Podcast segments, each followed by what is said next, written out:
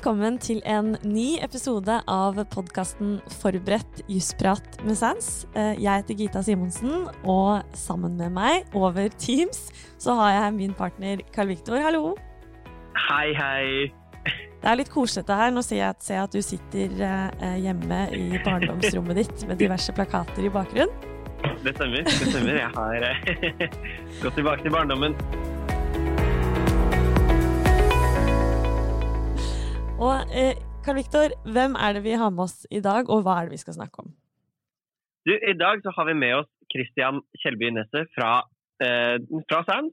Han er partner i Sands, og vi skal snakke om pengekravsrett. Hei, Christian. Hallo. Går det bra med deg? Bare fint. Eh, det har jo blitt mye Teams eh, den siste tida, så eh, det her føler jeg at jeg begynner å få kontroll på etter hvert.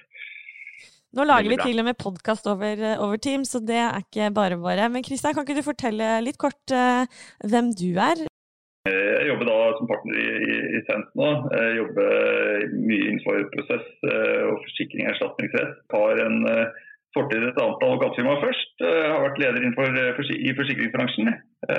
og ferdig i Bergen Eh, i 2003. Så Det er på en måte min, eh, min bakgrunn. Begynner vel å bli eh, sånn passe midt i livet etter hvert, tenker jeg. og i dag så skal vi jo snakke om pengekravsrett, der du er vår ekspert. Hva tenker du om dette faget? Hva handler dette egentlig om? Ja, altså Pengekravsretten er jo et sånt litt rart eh, fag, som på en måte en sånn fellesbehandling av eh, når pengekrav først har, har oppstått. Det er et fag som eh, jeg husker sjøl syns kanskje var litt sånn kjedelig å tilegne meg på, eh, på studietida. Men, men, men, det jeg oppdaga etter hvert, da, det var det at uh, dette fagområdet det er sånn som man får ganske god nytte av. Det, det går inn i veldig mange andre uh, fagområder, f.eks. obligasjonsretten og alle de civil, andre for så vidt sivilrettslige disipliner. Så det man, uh, som kan være en trøst da, når man angriper det her, det at man eh, vil komme til å ha veldig nytte av det i, eh, i yrkeslivet senere. I hvert fall hvis man skal jobbe innenfor de sivilrettslige disiplinene. Og så er det egentlig litt greit å ha kontroll på mye av det. Det er et slags sånn basisfag, vil jeg si. Så det, det som, som, vi vel snakka om på, på, forhånd, det er at vi har, vi har kikka litt på, på læringskravet her, bare for å ha litt kontroll på det, så podkasten blir mest mulig relevant. Og Eh, vi har gått gjennom læringskravene. Det vi har gjort i dag eh, jeg si det at eh, I Oslo så har man en ganske grei redegjørelse for, for, hva faget inneholder. Det inneholder egentlig alle de sentrale emnene innenfor pengekravsretten. Det går på oppgjør av pengekrav, rettsvirkning av betalingsmislighold, overdragelse av pengekrav, fellesheftelse og regress, motregning og foreldelse osv. Så skal man ha eh, kjennskap bl.a. til inkassoreglene. Hadde jeg vært student, så, så hadde jeg kommet til å kikke særlig på, på læringskravene her. Og Hvis jeg hadde gått i eh, Bergen, så eh, har de en litt annen formulering der. Der har de litt mer sånn forbrukervernfokus. Så vær litt oppmerksom på det hvis du er student i Bergen. At der er det litt mer sånn forbrukerperspektiv på det. Det kan jo særlig få betydning for Eh, praktikumsoppgaver og, og, og, sånne ting. Og vi har jo noen særregler i, i lovgivninga som, som man kanskje bør da være eh, oppmerksom på. Det kommer vi vel litt tilbake til etter hvert. Eh, når vi forbereder oss til det her, så ble vi vel enige om at vi eh, kunne for så vidt ta, plukke ut tre tema som på en måte er mest sentrale. Altså, eh, og de, de, vi har valgt ut som vi tror er mest relevant, det er da rente Eh, regime, kan man kanskje kalle det. Eh, så er det motregning, eh, og så er det overdragelse av krav og sesjon, som vi skal ta til, til slutt. da. Er ikke det riktig, Karl Viktor, eller skal vi ta andre tema?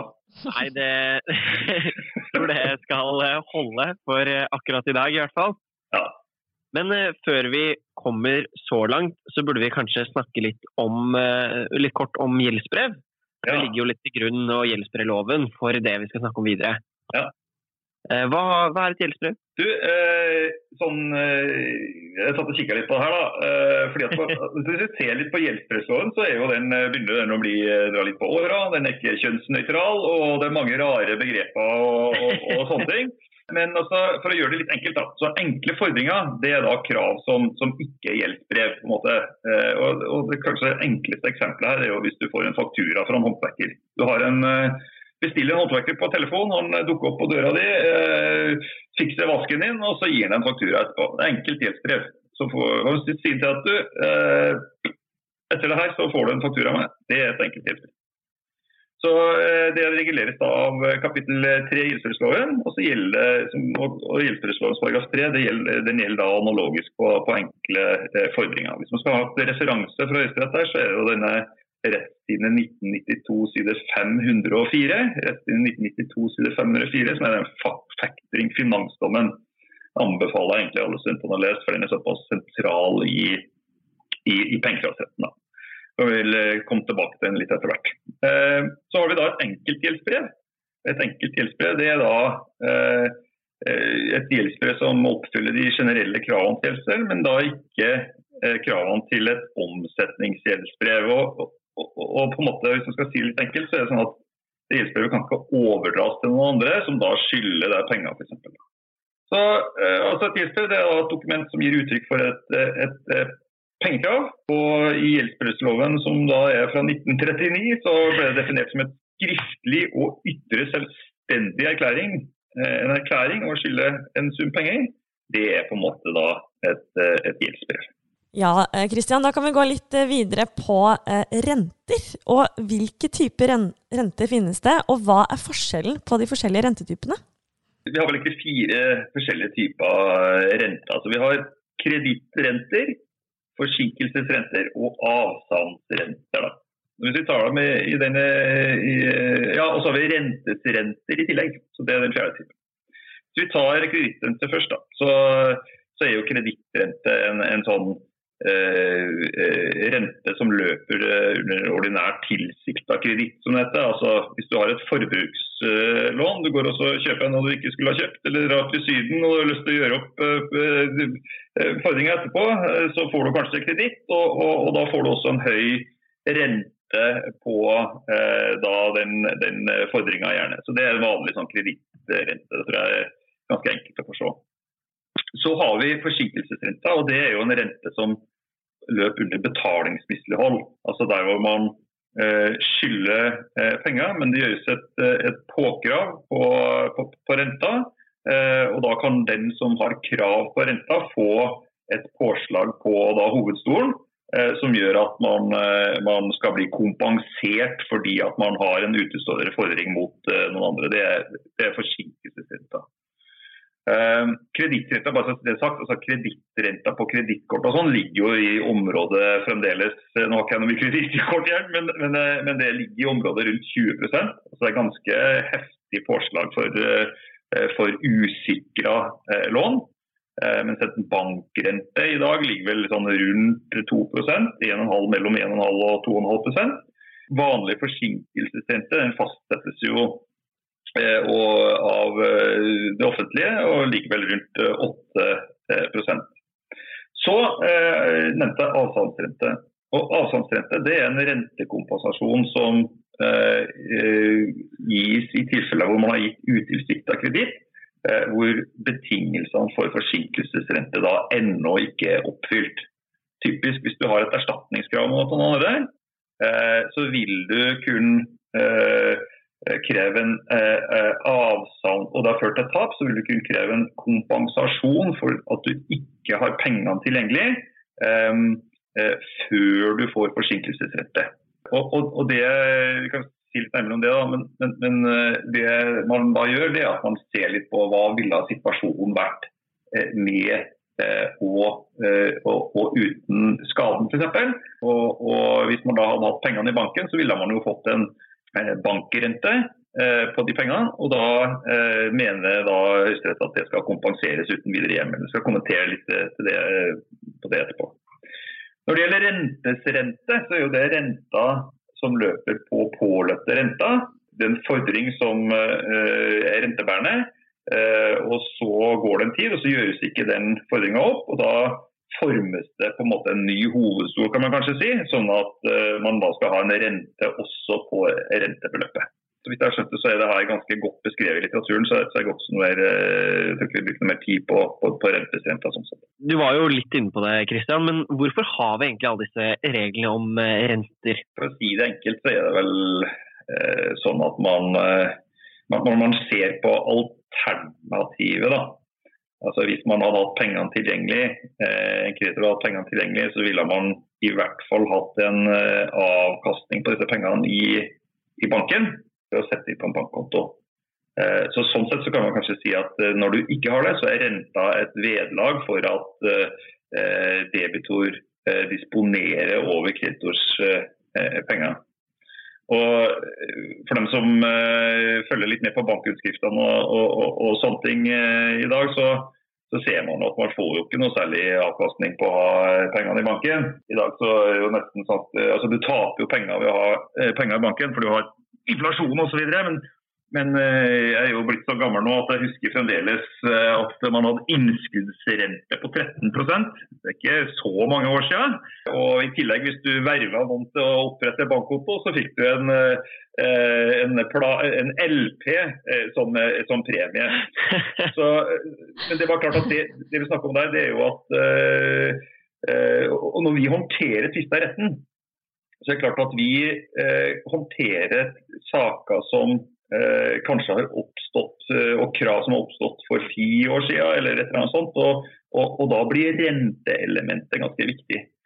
Så eh, For dem som har en ambisjon om å bli eh, gode prosedyreadvokater og skal håndtere store, komplekse saker i retten, så er det renta et, kan jeg kan love dem at renta er en, et tema som vi bruker en del tid på i, i, i domstolen. Men altså, Spørsmålet var hvorfor har vi, eh, har vi renta? Og Det er sånn kompensasjon da, for, eh, for pengene. Så I tillegg så kan du si at man får en slags risikopremie eh, når man må betale renta. og Det, det skyldes jo selvfølgelig at det å, å ha et utestående hos noen eh, Skal du ha tilbake, så er innfordring dyrt. Eh, og det er jo en risiko for at man ikke får tilbake de pengene. Så det er en slags risikopremie da, ved å ha disse pengene ute hos en, en tredjepart. Det er også det at det er et rente det er en kompensasjon for fall i pengeverdien. Da. Eh, det må vi ha med oss. fordi at eh, en krone for ti år siden, eh, den er ikke verdt like mye i dag. Og hvis du tar ut renteelementet, så blir du egentlig satt tilbake. da, Hvis du ikke får en kompensasjon for og en justering for pengeverdien. Mm. Og det er klart, det her spiller ikke så veldig stor rolle på, på små beløp. Eh, men eh, hvis du snakker om eh, erstatningssaker med, med, store beløp involvert, og sånn, så utgjør dette faktisk litt, en god del. Kristian, du snakket litt om avstandsrente tidligere. Jeg vil at du skal fortelle litt mer om hva det er, og kreves det særskilt hjemmel for avstandsrente? Altså, Tidligere så var jo det her en litt sånn Kall en, et, et, et, veldig interessant juridisk spørsmål. og Eh, for dem som har lest Bergsåker, så, så eh, laga jo Bergsåker tidlig de tidlige pengekravsbøkene sine, så, så argumenterte han veldig sterkt for eh, den såkalte berg, berg, det som ble kalt Bergsåkerrenta, eh, altså, og som også ble prøvd av, i Tinnforsk jernverkdommen eh, i rettssiden 1994 side 1. Eh, hvor man forsøkte seg på å få avstandsrente uten hjemmel. Da sa Høyesterett nei. Men i rettstidene uh, 2002-71 så uh, tok Høyesterett og ombestemte seg. Og Der har de da gitt hjemmel for at man kan tilkjennes avstandsrente uten direkte hjemmel. Og Begrunnelsen for det er jo nettopp som vi var innom i stad, at man mener at man skal ha kompensasjon hvis man har et berettiget utestående hos en annen. At man får kompensasjon for tapet ved å ikke kunne disponere over disse pengene. Og Så gikk det noen år, fordi at eh, det ble oppfatta i bransjen, og, og, i hvert fall oss som har gått mye i retten, så har vi prosedert på at man automatisk skal ha eh, avsalgsrente før forsinkelsesrente trer i kraft. Eh, og Der har Høyesterett i, i, en ekspropriasjonssak i rettstidene 2014 side 501, så har Høyesterett stramma litt eh, til. Eh, og, og, Der sier de, eh, og kan for så vidt sitere det som Høyesterett sier der, og det det er neppe tvilsomt at området for avstandsrente er utvidet de senere år. Men de signaler som er gitt i de tre påberopte høyesterettsdommene, altså de tre dommene som kom etter rettslinje 2002-71, gir ikke grunnlag for å oppstille et alminnelig prinsipp at ethvert økonomisk etteroppgjør eh, uten forsinkelsesrente skal suppleres med et tillegg i, i, i form av avstandsrenter. Men det man skal være klar over, er at den, det var en festeavgiftssituasjon. Var en festeavtale, så eh, hadde jo partene muligheten til å avtale rentebetingelsene over lang tid. Så eh, hvis man skal foredle dette og si det litt enkelt for, eh, til bruk i eksamensoppgaver, så tror jeg vi ville ha lett Eh, litt eh, nøye på momentene for å tilkjenne avstandsrente. For det blir typisk en sånn påstand i praktikumsoppgave eh, om at man også ville ha avstandsretter. Og da er jo luksusjussen i det her det å se liksom, hvilke hensyn som taler for å tilkjenne da, avstandsretter.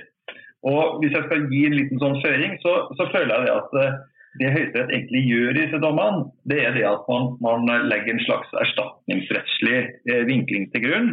Eh, altså eh, Hvor man ser på, eh, på om det har vært, eh, har det vært et tap hos kreditor egentlig, eh, ved at motparten har disponert over pengene. Så Sånn sett så kan du si det at man, man, man ser litt på om det er noe å bebreide han som har hatt pengene på, tilgjengelig. Eh, og så ser man også litt på hvilket tidsrom eh, som da eh, dette har vært aktuelt for. Så ingen automatikk.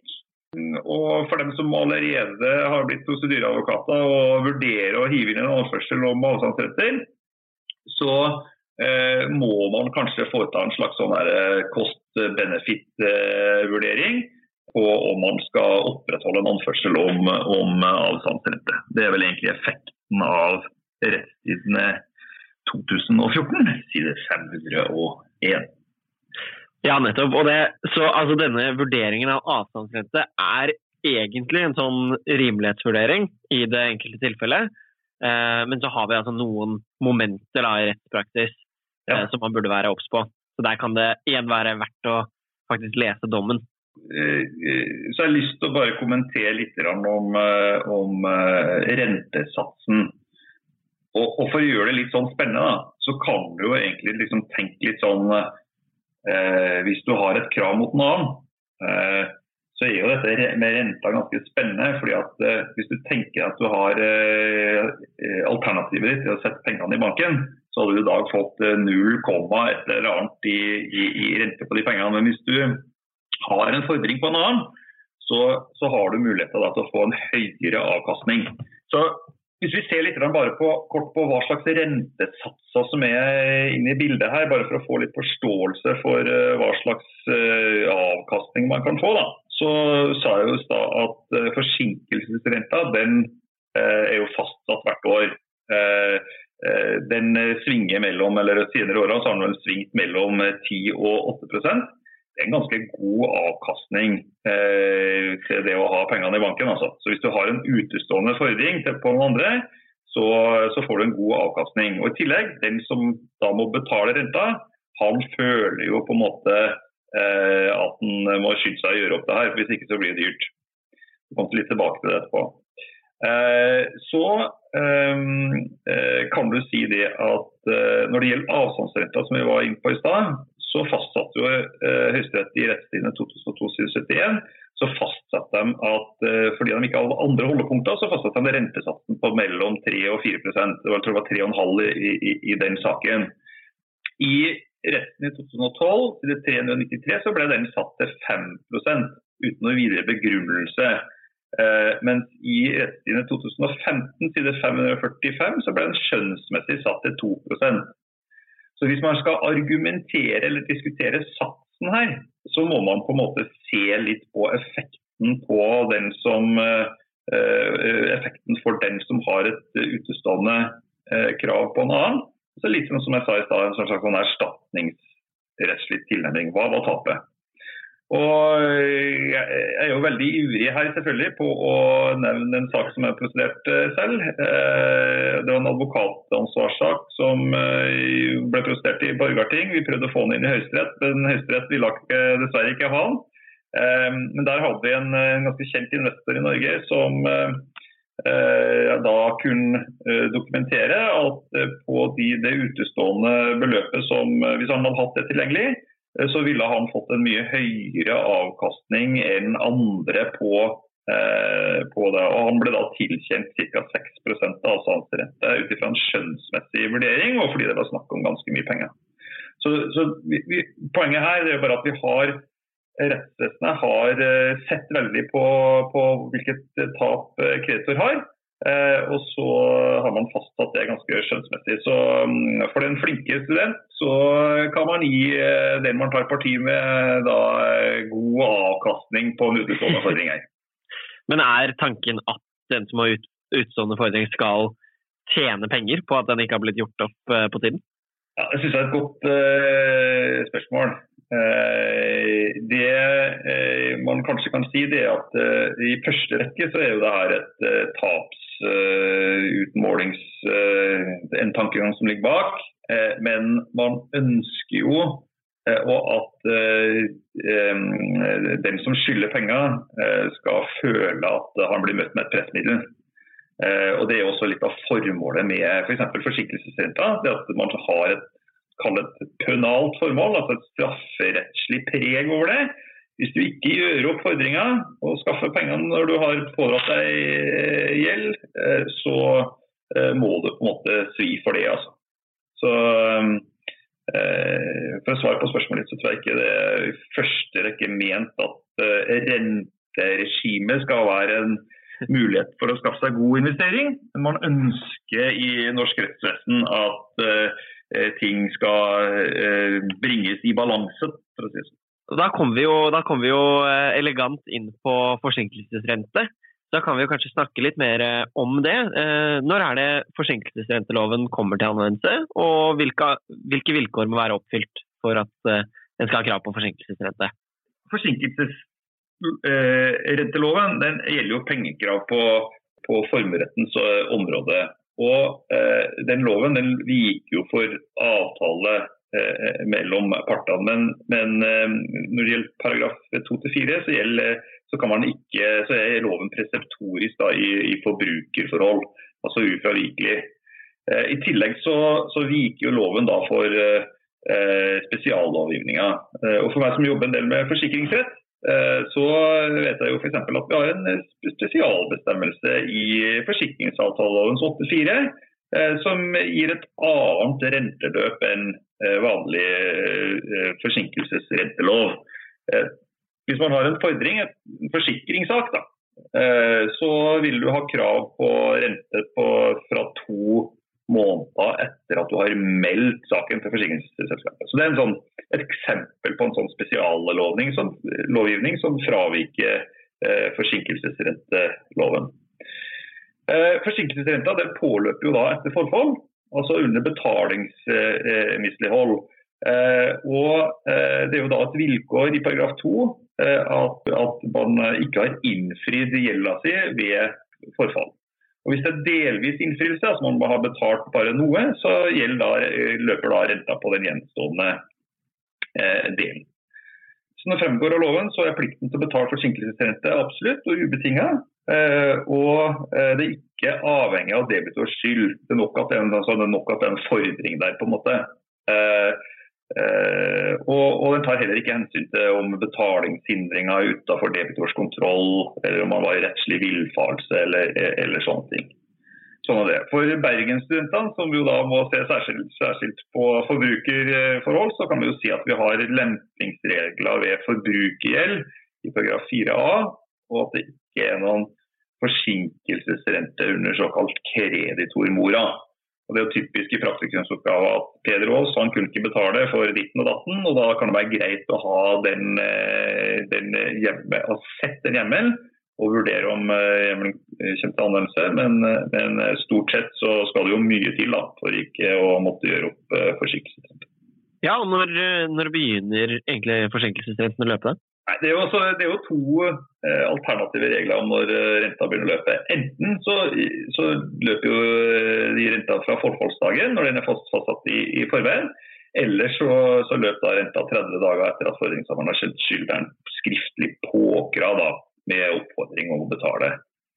Du må på en måte ha, ha gitt uttrykk for at nå må gjelda gjøres opp. og Da, da har eh, den som skylder penger, han har eh, et eh, 30 dager på, på, seg for å få gjort opp eh, gjelda. Hvis ikke så blir han straffa med disse rentene. Si det at eh, Hvis det, man har satt en, en forfallsdag på forhånd, så så er det veldig greit å forholde seg til. Da, da, da, kaller man det for forfallsrente, og det er gjerne avtaleregulert. Da. Typisk ved sånn kredittkort og vanlig lån. Og, ja, og Da løper rente da fra dagen etter forfall og til den dagen hvor man faktisk innfrir. Hva da med påkravsrenten? Jo da, eh, på, Når det gjelder påkravstempelet, så, så, løper den da 30 dager som vi sa etter, etter eh, påkrav. og det, det, gjelder jo egentlig uten forhåndsbestemt eh, forhåndsdag. Eh, starter fristen løpet en helligdag, så spiller ikke denne rolle. Og forsinkelsesrenta regnes da fram til og med den dagen da, da innfrielsen skjer.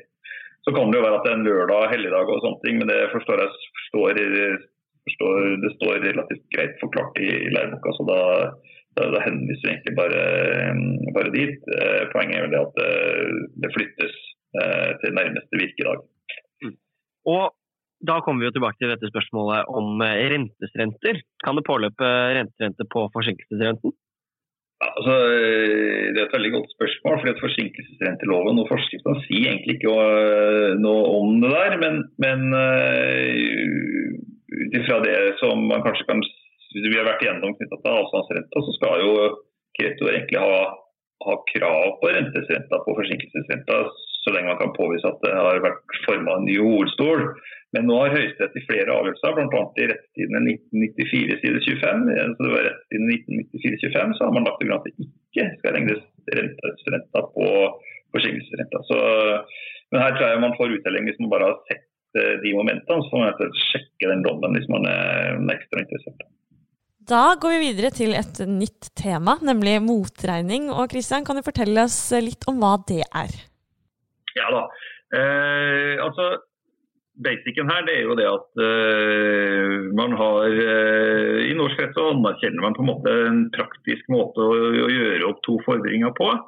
Uh, og det er jo at man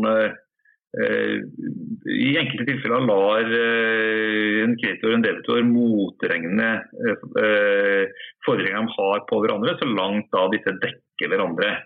Den oppgjørsmåte, eller en opphørsmåte kanskje man kan si også på fordringa, ved at eh, man kan motregne da, eh, en fordring helt eh, eller delvis, i stedet for at man da skal ta ut kontanter av banken og gi det til hverandre da, fysisk. Så kan man heller bare si at man erklærer motregning, og så blir en fordring, faller en fordring bort så langt den dekker den andre.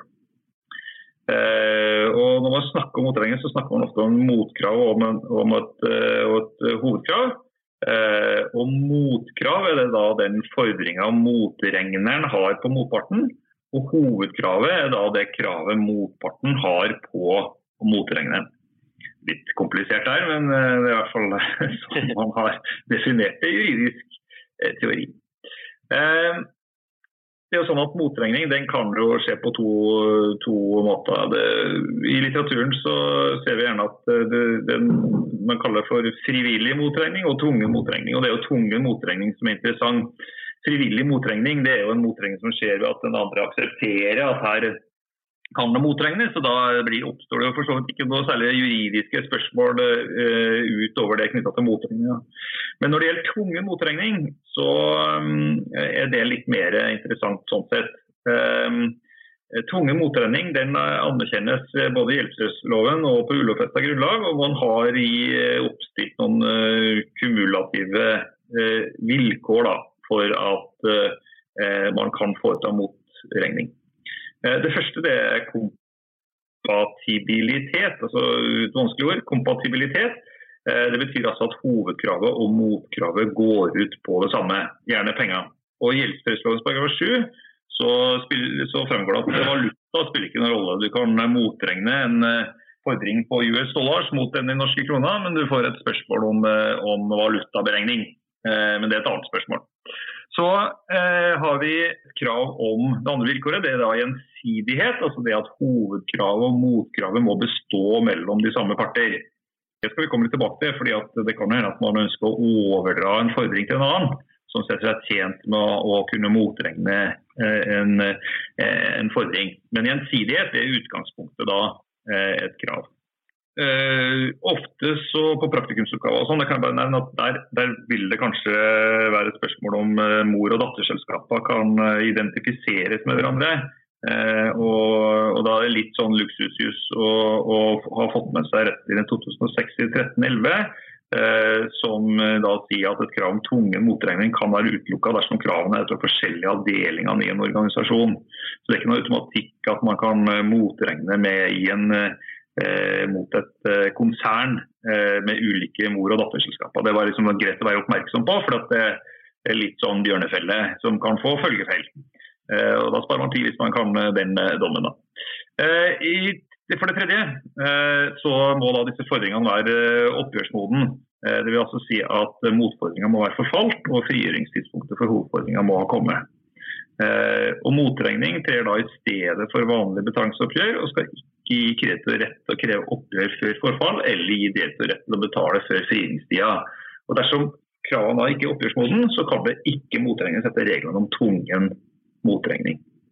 Så du kan ikke motregne da eh, med en faktura som ikke er forfalt, for å si det veldig enkelt. Ja, og Som vi nevnte, så er jo eh, frivillig motregning er jo eh, ikke noe problem. Det er jo noe vi eh, kanskje gjør ganske ofte også. Altså, jeg skylder deg en Eh, penger for en eh, pølse, og du skylder meg eh, penger for bensin, så da bare motregner vi det istedenfor å sende hverandre vips penger to ganger. Ja. Men det er jo altså denne tvungne motregningen vi konsentrerer oss om, og, og hvorfor har vi egentlig reglene om det? Altså, Teknisk så har man jo sett at dette er en forenkla og lettvint oppgjørsmåte. Og da har jo det kontant hensynet som eh, du nevnte der, Karl Viktor. Eh, I stedet for å holde på å vippse eller andre og sånne ting, så, så sier man bare at eh, Så erklærer man da at man, man motregner. Så utgjør det jo også en effektiv inkasso. Så man må liksom ikke gå lang og tung vei og belaste for så vidt også rettsapparatet for å få en, en ny gjelda inndrevet. Og så gir det en viss sikkerhet sikkerhet mot manglende betalingsevne hos debitor, så lenge hovedfordringa er like stor som motfordringa. På en måte kan vi si at det er bra for begge parter å bli kvitt gjelda.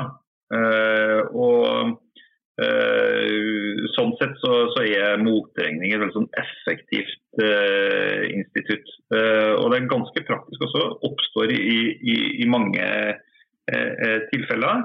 Eh, og for oss som jobber mye for erstatning, forsikringsrett og den type eh, pengekravsrettslige disipliner, da, for å kalle det så, så ser vi ofte at uh, vederlagskrav, altså krav på penger for noe du har ytt, ofte da det oppstår motregningssituasjoner der med erstatningskrav man har mot hverandre. da har du en lås som kan være noe å gå til retten med, f.eks. Eh, så, så, bare så det, I og med at eh, Bergen har sånn forbrukerhensyn, så tenkte jeg bare at eh, og det kan jo være greit å være klar for det i Oslo-studentene også, og det er jo, eller andre, og det er jo det at lønn er beskytta mot tvungen motregning. Så fordring arbeidsgiver har på deg som arbeidstaker, det, den kan ikke motregne i den lønna du har krav på, f.eks. Bare sånn for å gi et lite praktisk eksempel. Så noen, eh, særlig forbrukerområder, har da begrensninger mot, eh, mot motregning. Eh, men jeg forstår at de er også beskrevet relativt sånn greit i, i litteraturen, så, eh, så, da bruker vi ikke noe mer tid på det. Men det er sånn at eh, Nav f.eks. de kan eh, trekke penger fra lønna di? Hvis du skylder en tvangsmult eller et eller annet sånt? Ja, men da har du vært igjennom en, eh, en eh, tvangsfullbyrdelsesprosess. Eh, og For å ta et eksempel. Da. Hvis du slår ned Carl Viktor, så har han knust to fortenner og får en tannlegeregning som da ikke dekkes av noe offentlig, offentlig støtte eller noe sånt som du skal betale for, eller en annen skade så kan det godt hende at Carl Viktor han kan ikke gjøre opp den fordringa nå. Og Da vil du kunne melde den igjen til, til, til innfordring via namsmannen. Og, og, så vil den fordringa bli liggende i ti år til, til overvåkning, sånn at når Carl Viktor blir en, en fremadstormende stjerneadvokat, eh, som jo vil skje godt innenfor tiårsgrensen, så vil den kunne gjøre opp det. Og Da får du pengene dine med renter. Ikke verst. Kanskje ikke renter. En annen ting jeg tenkte på som kan være litt vanskelig å få tak på, er hva er egentlig grunnen til at motparten vil motsette motregning? Det er et veldig godt spørsmål. Men det kan jo være sånn at man ser seg tjent med å holde de pengene tilbake. Altså, det kan være av mange grunner. Men, men, ofte så er jo det fordi at man da ikke har Spørsmålet er jo om gjelda er berettiga. Eh, og Hvis gjelda er berettiga, så er det ingen grunn til å egentlig motsette eh, motregning, med mindre man har intensjoner om å enten ikke gjøre opp, eller at man ønsker å, å for så vidt tjene rentekroner på å ha en fordring utestående hos hverandre. andre. Ja. Um, så, så, det er jo den, i, i, i, topartsforhold så er det jo egentlig ganske få ting som taler mot at man skal akseptere motregning. Da. Men hva om øh, jeg er kreditor eh, og har et øh, krav på Gita, og så overdrar jeg det til deg, Christian? Hvordan er reglene da? Ja, da er vi over i noe som heter sesjon. Og det betyr jo at man overdrar et krav fra en kreditor til en ny kreditor. Og medfører at gjensidighet, og, og, som vi var inne på i starten, gjensidigheten mellom opprinnelig kreditor og debitor, den, den brytes.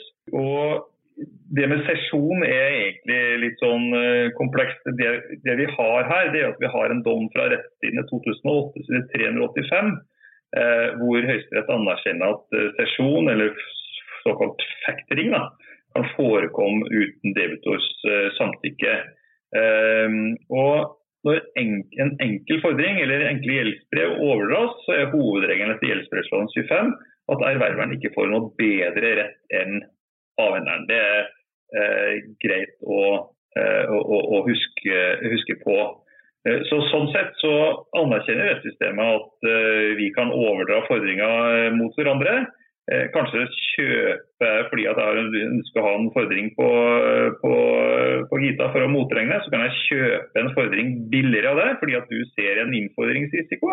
Og så kan, kan jeg motregne den mot Gita. Så dette er jo et system som brukes Som er egentlig en av hovedbusinessideene til inkassoselskaper. Det er jo at man kjøper og, og gjeld billig, for så å overdra det til opprinnelig hovedstol. Så når det gjelder temaet inkasso, som ikke er tema for oss i dag, så, så tenker jeg at jeg ville ha kikka litt særskilt på gjeldsbrevlovens paragraf 25 og 26. Da. Eh, og Du har også et eh, ulovfesta unntak fra, eh, fra gjeldsbrevloven 26. bare så Det er nevnt. Det, det, det fremgår av denne factoring finansdommen rett i 1992 side 504.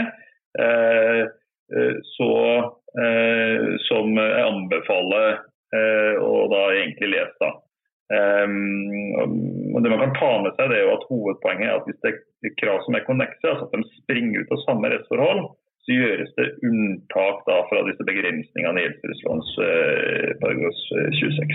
Eh, så, men nå er vi langt inne i luksusjusen, så jeg tenker at vi, eh, vi eh, Men hvis man har fått med seg det og ser de hensynene bak eh, disse reglene, så, eh, så man, er man allerede godt oppe i stigen på karakterskalaen.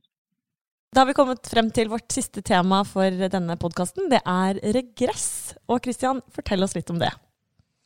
Man har jo regler for samskyld. samskyld. Altså at flere skylder penger til en annen.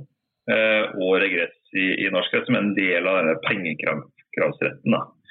Um, og uh, Samskyld er en fellesbetegnelse på to eller flere personer ansvarlige debitorer overfor samme uh, pengeforpliktelse. Og, og, Da oppstår det gjerne uh, et spørsmål da, om, om, etteroppgjør dersom en av debitorene, eller for så vidt flere av dem, innfrir denne felles gjelden. Og Hvis man da fremmer et krav mot en annen som også var skyldig for, for gjelda, så er det det siste det, da, det man kaller for regress. Altså det er et regresskrav. Man krever penger tilbake eh, fra den andre. Hovedregelen i norsk rett er jo at man har, eh, hvis f.eks. får skade, eh, så er det jo solidaransvar utad, eh, men prorata fordeling eh, innad. Altså man er ansvarlig for Eh, for e-, egne eh, handlinger etter eh, det tapet man har, har voldt, f.eks. Selv om man hefter begge to overfor en, en skade litt, f.eks. Så eh, etter at man har gjort opp eh, overfor den som skal ha penger, så krever man eh, da penger tilbake fra den andre. Vi som jobber med innenfor eh, eh, mitt fagfelt, eh, og da f.eks. når vi jobber for forsikringsselskapene, vi driver jo med regress hele tida. vi har en særhjemmel for regress i gjeldsbrevslovens paragraf 2 andre ledd og tredje ledd. Ehm, men vi har også en del særregler rundt omkring i, i eh, lovverket vårt. Et eksempel på det, som litt sånn luksus, er jo eh, nei, unnskyld, skadeerstatningslovens 4-3.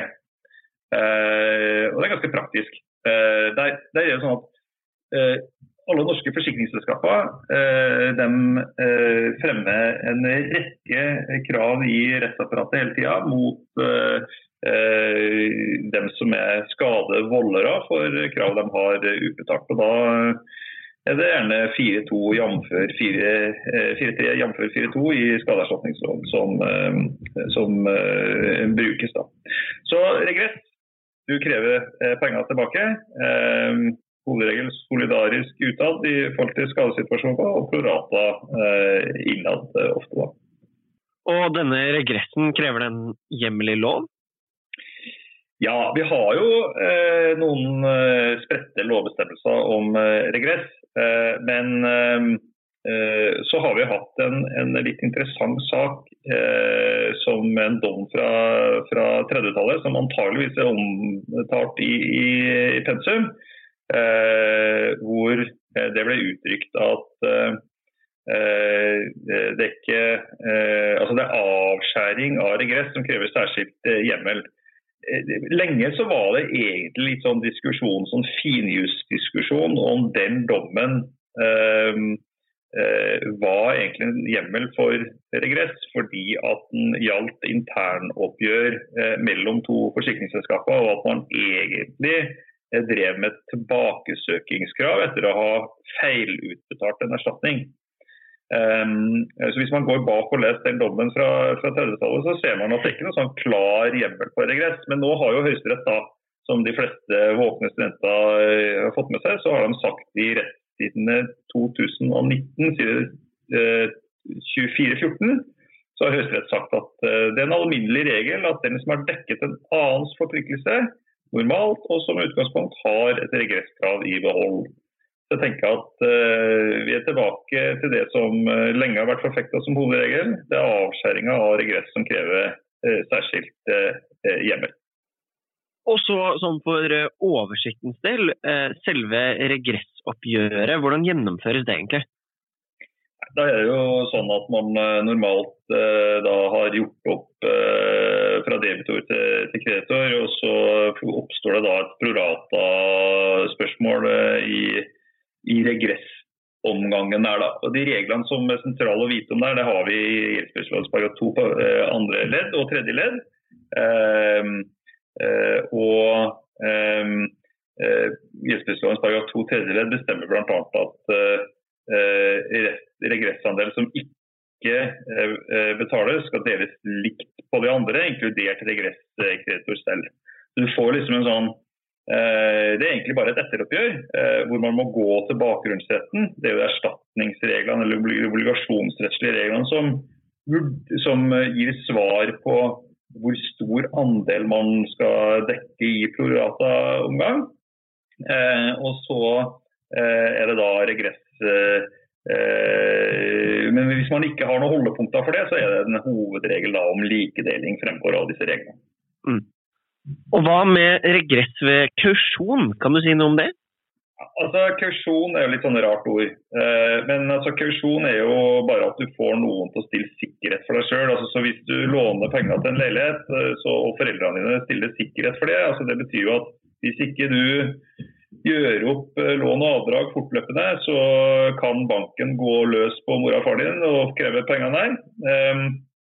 Så vil jo når altså Hvis det skjer, det blir en utbetaling fra dine foreldre, så har de en deklaratorisk sedvanerett har vi i norsk rett. Altså, de har rett på å få Eh, på, regress, eh, og, og kjører da et etteroppgjør mot, mot det som er i den egentlige kreditoren.